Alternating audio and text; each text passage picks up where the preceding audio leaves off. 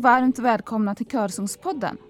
I det här poddavsnittet ska jag prata om något som ligger mig mycket varmt om hjärtat, nämligen de sydafrikanska protestsångerna mot apartheid.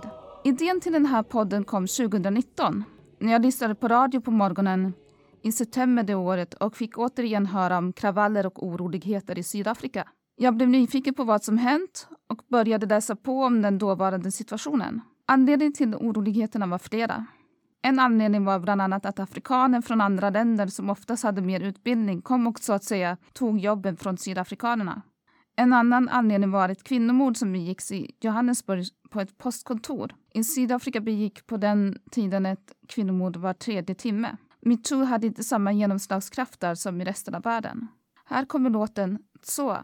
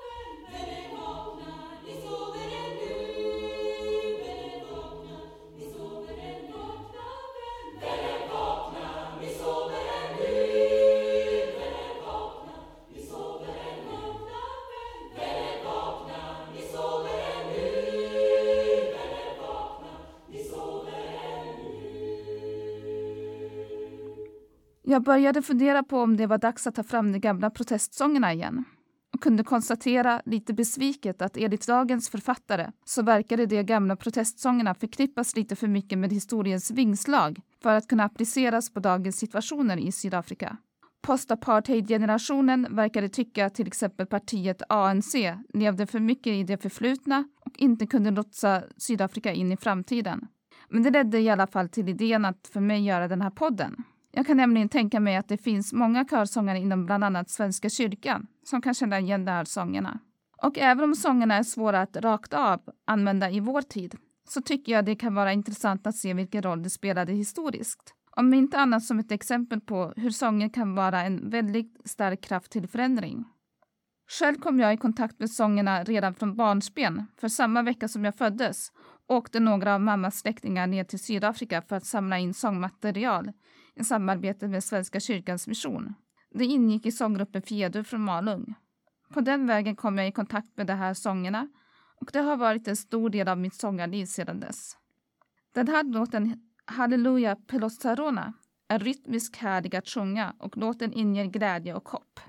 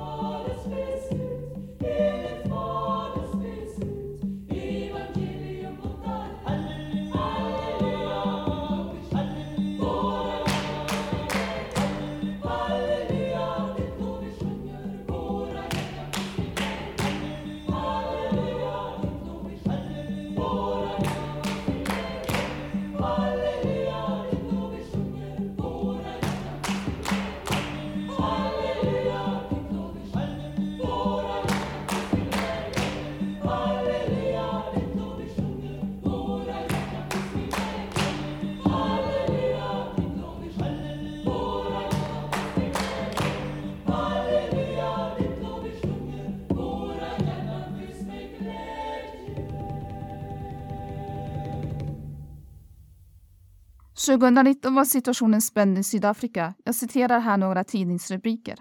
Så här löd rubrikerna om Sydafrika 2019 i bland annat Sveriges Radio och Aftonbladet. 2019 var situationen spänd i Sydafrika. Jag citerar här några tidningsrubriker. Sydafrika. Rädsla i Sydafrika efter främlingsfientligt våld. Det är en stor oro i Sydafrika efter den senaste tidens upplopp och plundringar. Medborgargarden har bildats och dragit fram och det råder en spänd stämning. En etiopisk butiksägare i Pretoria frågar sig varför afrikaner ger sig på afrikaner. En annan rubrik. Attackerna mot migranter fortsätter i Sydafrika. Inte sedan tiden vid apartheid hade Sydafrika haft så många diplomatiska kriser. Den första veckan i september i år var det många dödsfall. Det plundrades utländskt ägda företag, vilket ledde till hämndattacker mot till exempel sydafrikanska lastbilschaufförer. Ytterligare en rubrik. Våga främlingsfientliga attacker. Många oroligheter bröt ut i Sydafrika och man misshandlade afrikaner från andra länder. Anledningarna tros vara den hårda konkurrensen om jobb. I andra afrikanska länder hämnas man på sydafrikanska butikskedjor med plundring och vandalism. Det ställdes även in konserter med nigerianska artister samt vänskapsmatcher i fotboll. Låten som kommer nu heter Evochina och är en favoritsång. Det är en fin liten melodi och rätt mäktig text. Han möter mörkrets makt, vapenlös han står. Visst, det syftar nog mycket på Jesus, men jag drar paralleller till Nelson Mandela.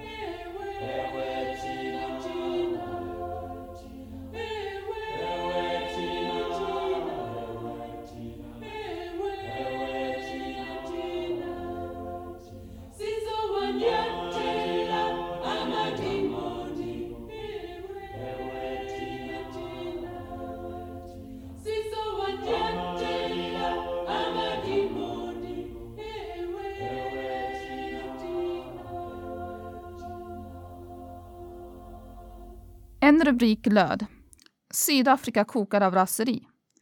Jenny Högström på Aftonbladet. År 2019 åkte journalisten Jenny Högström till Johannesburg. Anledningen till att journalisten Jenny Högström åkte till Johannesburg är en bokmässa. Strax innan hade begåtts ett mord på en taxichaufför i centrum. Han i sin tur hade avvisat en nigeriansk försäljare av heroinmixen Nya Vope. Orsakerna till upploppen anses vara flera, bland annat den ekonomiska och sociala misären och andra menar att det är kriminella och främ eller främlingsfientliga attacker. I Nigeria ger man sig på sydafrikanska affärer men den troligaste orsaken verkar vara det kvinnomord som hände på ett postkontor i Johannesburg. Det verkar ha fått bägaren att rinna över. Det begicks ett kvinnomord var tredje timme i Sydafrika då. Metoo hade inte samma genomslag här som i resten av världen. I boken Det nya Sydafrika av författaren Andreas Karlsson berättar han om utvecklingen för tiden efter Nelson Mandela. ANC finns fortfarande kvar, men har liksom fastnat i en aning i det förgångna. Infrastrukturen är av hög internationell standard. Ett stort problemområde är dock jobbsituationen i Sydafrika. Konkurrensen om jobben är hög. Det är nämligen så att utlänningar ofta har högre utbildningar och får jobb lättare, vilket leder till främlingsfientlighet, även afrikaner mot afrikaner. Det finns en grupp människor i landet som kallas för born freeze. Det är generationen i post-apartheid som inte är lojala mot ANC och det är i majoritet. Det är mycket friare än sina föräldrar att välja parti. Ett annat problem som Sydafrika fått och brottats med är hiv och aids. President Mbeki vägrade i tid att ta tag i problemen och det överskuggade hans presidentskap. Nu kommer låten Hosanna Nkosi Fezulu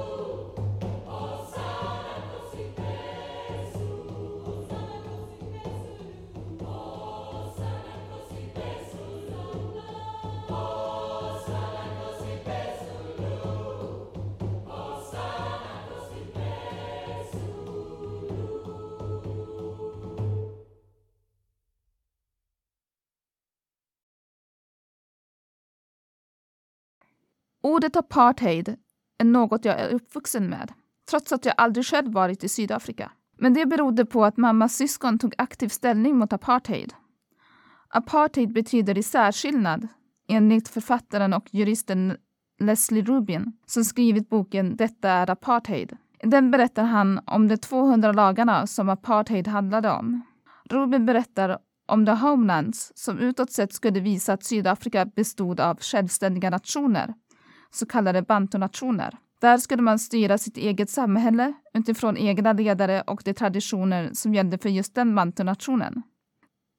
Det ingick i det så kallade utvecklingsprogrammet som skulle göra Homelands till viktiga egna regioner. Alla skulle vara lika mycket värda. Rubin menar dock att allt det var lögn och att regeringen inte strävade efter separat utveckling utan totalt förslavande av de mörka folken. Som politik i Sydafrika införde man apartheid när bornas parti vann valet 1948. Regimen bestämde till exempel att de svarta bara fick bo på vissa platser. Några av apartheidlagarna handlade till exempel om hem och familj och bostadsort, rörelsefrihet, religion och åsikts och yttrandefrihet. Angående hem, familj och bostadsort enligt lag 11 så fick polisen genomsöka hem med familjemedlemmar under 18 år. Polisen kunde också enligt lag 13 arrestera en afrikansk pojke som var 16 år och bodde hos föräldrarna och stämpla honom som dagdrivare. När det kom till rörelsefrihet var personen förbjudna att vistas i en stad på natten enligt lag 50 och lag 51 lät gälla att alla över 16 år måste ha ett pass. Inte blev det mycket bättre när det kom till arbete, för där kunde arbetsgivaren när som helst säga upp en afrikan oavsett hur länge man hade arbetat. Det var lag 57. Vad gällde utbildning så fick en vit man inte hemundervisa svarta barn enligt lag 97. Lag 105 förbjöd en svart och en vit person att dricka en kopp te tillsammans utan särskilt tillstånd och satte en svart och en vit person på samma parkbänk fick afrikanen tre års fängelse. Vad gällde åsikts och yttrandefrihet ansåg man att kommunismen främjar fientlighet mellan europeiska och icke-europeiska personer. Det var lag 148. Jag avslutar det här avsnittet med Freedom is coming men jag kommer tillbaka med mer om de sydafrikanska frihetssångerna.